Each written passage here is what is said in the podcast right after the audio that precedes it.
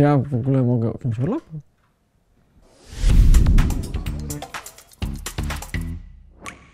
Rozpocząłeś w tym roku pierwszą w życiu pracę?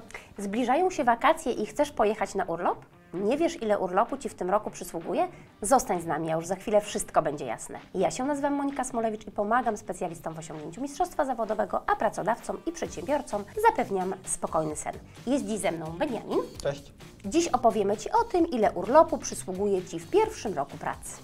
Ten pierwszy urlop to taki wyjątkowy trochę jest, to nie? Tak, to zupełnie inny urlop niż urlop w każdym kolejnym roku pracy, bo musisz sobie na niego zasłużyć. Ale co to znaczy, że muszę zasłużyć? Przepisy mówią o tym, że pracownik podejmujący pracę po raz pierwszy w życiu nabywa prawo do urlopu w wymiarze 1 dwunastej z upływem każdego miesiąca pracy. Ale jednej dwunastej czego? 1 dwunastej podstawowego wymiaru urlopowego, który wynosi 20 dni, czyli pracownik, który ma staż pracy krótszy niż 10-letni, ma podstawę wymiaru urlopowego, która wynosi 20 dni. To oznacza, że z każdym miesiącem przepracowanym nabywasz prawo do 1 dwunastej z puli 20 dni swojego urlopu, czyli musisz przepracować kolejny miesiąc, aby zapracować na kolejną dwunastą. Czyli po jednym miesiącu masz jedną dwunastą, po trzech miesiącach masz trzy dwunaste, po sześciu miesiącach masz sześć dwunastych. I tak aż do końca danego roku kalendarzowego. I nie ma znaczenia, która to jest praca, liczy się tylko to, że to pierwszy rok pracy. Tak, niezależnie od tego, ilu będziesz miał pracodawców w pierwszym roku pracy, to przez cały pierwszy rok pracy właśnie w taki sposób będziesz nabywał swoje uprawnienia urlopowe. I jeśli na przykład u poprzedniego pracodawcy przepracowałeś miesiąc i 15 dni, to u drugiego pracodawcy już po przepracowaniu 15 dni nabędziesz prawo do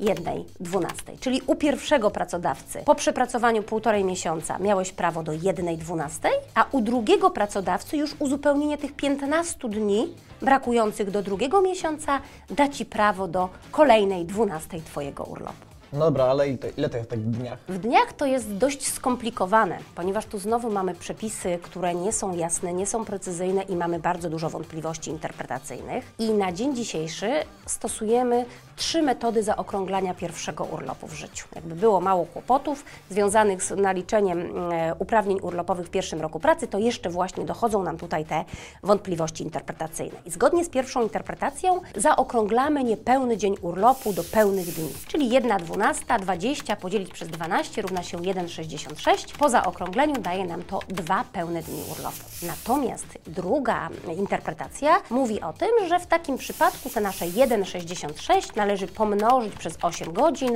i zaokrąglić w górę do pełnych godzin, co daje 14 godzin urlopu. Ale trzecia interpretacja idzie już całkiem po bandzie i mówi o tym, że należy pomnożyć 1,66 przez 8 godzin i wyliczyć dokładnie, ile godzin i minut Ci przysługuje, czyli zgodnie z tą trzecią interpretacją po przepracowanym miesiącu przysługiwałyby Ci 13 godzin i 17 minut urlopu. To bez sensu, skąd ja mam wiedzieć, ile mam urlopu?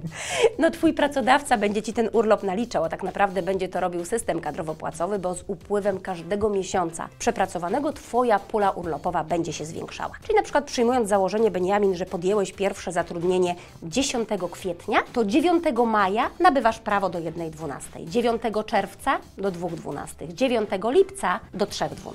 I tak z każdym dziewiątym dniem każdego miesiąca w danym roku kalendarzowym będzie się Twoja pula urlopowa zwiększała o 2 dni, 14 godzin lub 13 godzin i 17 minut w zależności od stosowanej metody zaokrąglenia. Okej, i nigdy w tym pierwszym roku nie będę miał pełnych 20 dni urlopu? No niestety nie, chyba że rozpocząłbyś pracę 1 stycznia. Wtedy miałbyś możliwość wypracowania 12 dwunastych z przysługującego Ci 20-dniowego wymiaru urlopowego. Natomiast jeżeli zatrudniasz się każdego kolejnego dnia, czyli później niż po pierwszym dniu danego roku kalendarzowego, nie masz szans na 20 dni urlopu. Im później się zatrudniasz, tym krócej możesz z tego urlopu korzystać w danym roku. Dobra, a jak to wygląda w kolejnych latach? W kolejnych latach wygląda to już dużo lepiej, bo z 1 stycznia każdego roku kalendarzowego nabywasz prawo do pełnego 20-dniowego urlopu wypoczynkowego, no chyba, że Twoja umowa o pracę zawarta jest na okres krótszy niż cały kolejny rok kalendarzowy, wtedy będzie naliczany proporcjonalnie, ale już na starcie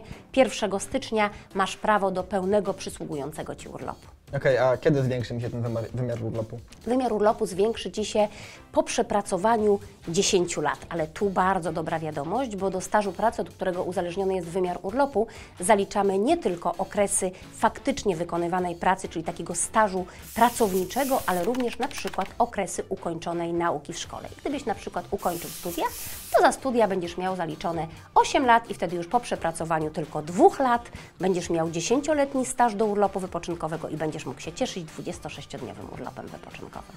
I nie sumuje się to z pracą, którą wykonuję podczas studiów.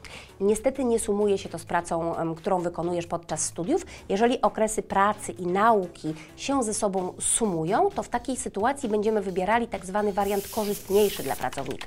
Czyli na przykład może się okazać, że bardziej będzie Ci się opłacało, żeby zaliczyć Ci do stażu pracy 4 lata z tytułu ukończenia liceum ogólnokształcącego i okres zatrudnienia, bo to w sumie da Ci więcej niż 8 lat za studia. Ale to tylko wtedy, gdybyś przez całe studia non-stop pracował. Czyli najbardziej opłaca mi się rozpocząć pracę w grudniu, bo po miesiącu już będę miał 22 dni urlopu. Tak to wygląda, że gdybyś rozpoczął pracę 1 grudnia, to 31 grudnia nabyłbyś prawo do 1.12 ze swojego pierwszego urlopu wypoczynkowego, pierwszego urlopu w życiu, a już 1 stycznia w przypadku na przykład umowy na czas nieokreślony miałbyś prawo do 20 dni urlopu i mógłbyś się nim cieszyć już w styczniu lub w lutym. Beniamin, to czego się dzisiaj dowiedziałeś o pierwszym urlopie w życiu? Ten pierwszy rok kalendarzowy pracy jest taki wyjątkowy, ponieważ urlop dostaję za każdy miesiąc wykonanej pracy. No Czyli i musisz sobie na niego zasłużyć? no muszę, muszę. No i najbardziej opłaca mi się rozpocząć pracę w grudniu, bo będę miał dużo urlopu po miesiącu. Generalnie, jeśli rozpoczynasz pierwszą pracę w życiu w drugiej części roku, to szybciej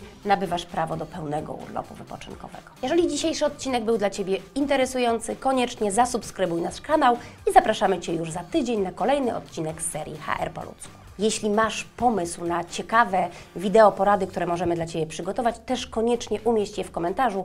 Twoje pytania, Twoje inspiracje dla nas są bardzo cenną wskazówką.